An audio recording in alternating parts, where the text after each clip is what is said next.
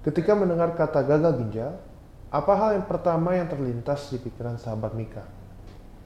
Faktanya memang salah satu penyebab gagal ginjal adalah batu ginjal. Namun perlu diketahui bahwa penyebab gagal ginjal itu bermacam-macam. Apa sih perbedaan antara batu ginjal dengan gagal ginjal? Nah, untuk mengetahui lebih dalam lagi mengenai perbedaan batu ginjal dan gagal ginjal, ayo kita bahas di Terka. Tanya Dokter Mika.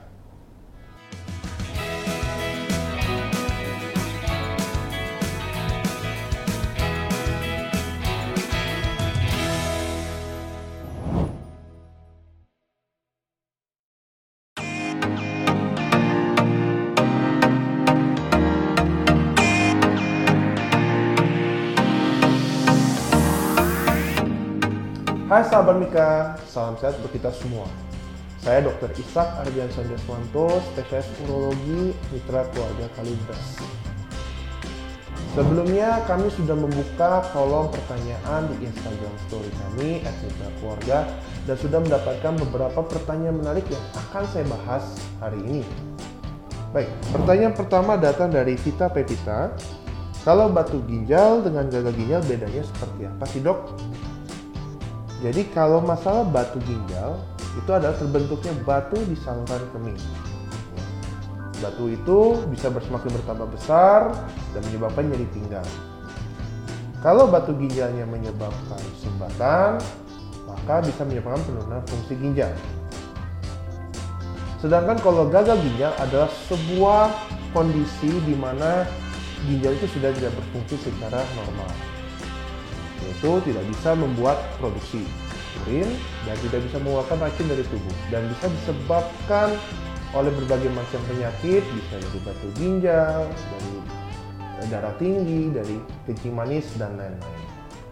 Oke, selanjutnya dari Edioko. Apa benar kalau sering nahan buang air kecil bisa menyebabkan batu ginjal? Nah, kalau sering nahan buang air kecil bisa menyebabkan terjadinya infeksi saluran kencing. Dan infeksi saluran kencing itu sendiri adalah salah satu faktor resiko terbentuk batu ginjal. Oke, kita lanjut yuk ke pertanyaan ketiga dari Puspita Avia. Dok, apakah batu ginjal bisa sembuh tanpa operasi? Jawabannya bisa, tapi tergantung dari ukuran dan letak batunya. Kalau misalnya ukuran batunya di bawah 5 mm, maka ada kemungkinan batu itu bisa turun dan keluar sendiri lewat kencing tanpa memerlukan uh, tindakan apa pun.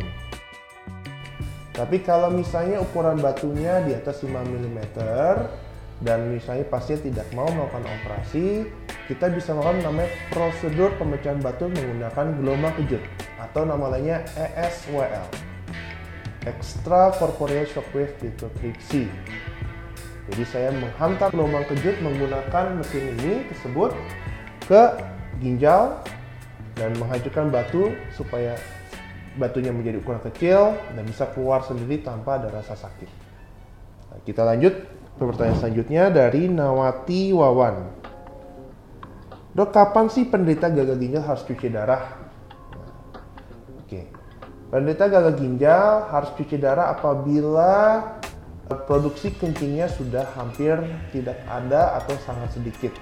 Dan kita lihat dari pemeriksaan laboratorium bahwa eh, kadar ureum di dalam darah sudah sangat meningkat sehingga dalam tahap yang bisa membahayakan pasien. Pada kasus-kasus demikian, penderita gagal ginjal harus dilakukan cuci darah. Nah, terakhir dari pertanyaan dari Keksren. Apabila badan sudah bengkak dan hasil laboratorium jelek, apakah itu tanda gagal ginjal? Ya, salah satu gejala dari gagal ginjal adalah seluruh badan bisa membengkak. Kenapa seluruh badan membengkak? Karena pada pasien-pasien dengan gagal ginjal tidak bisa memproduksi kencing sama sekali sehingga cairan itu menumpuk di dalam tubuh dan saat cairan menumpuk dalam tubuh maka cairan itu mulai keluar ke kulit dan seluruh tubuh sehingga terlihat seperti bengkak. Jadi memang kalau ada bengkak di seluruh tubuh, hati-hati.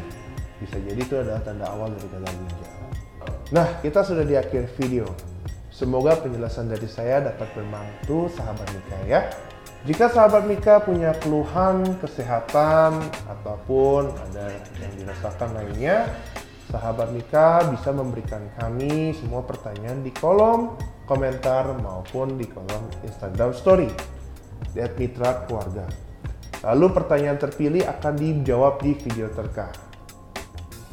Apabila sahabat Mika menyukai video ini, jangan lupa untuk like, subscribe, dan komen, dan share video ini ya. Terima kasih semuanya, sampai jumpa.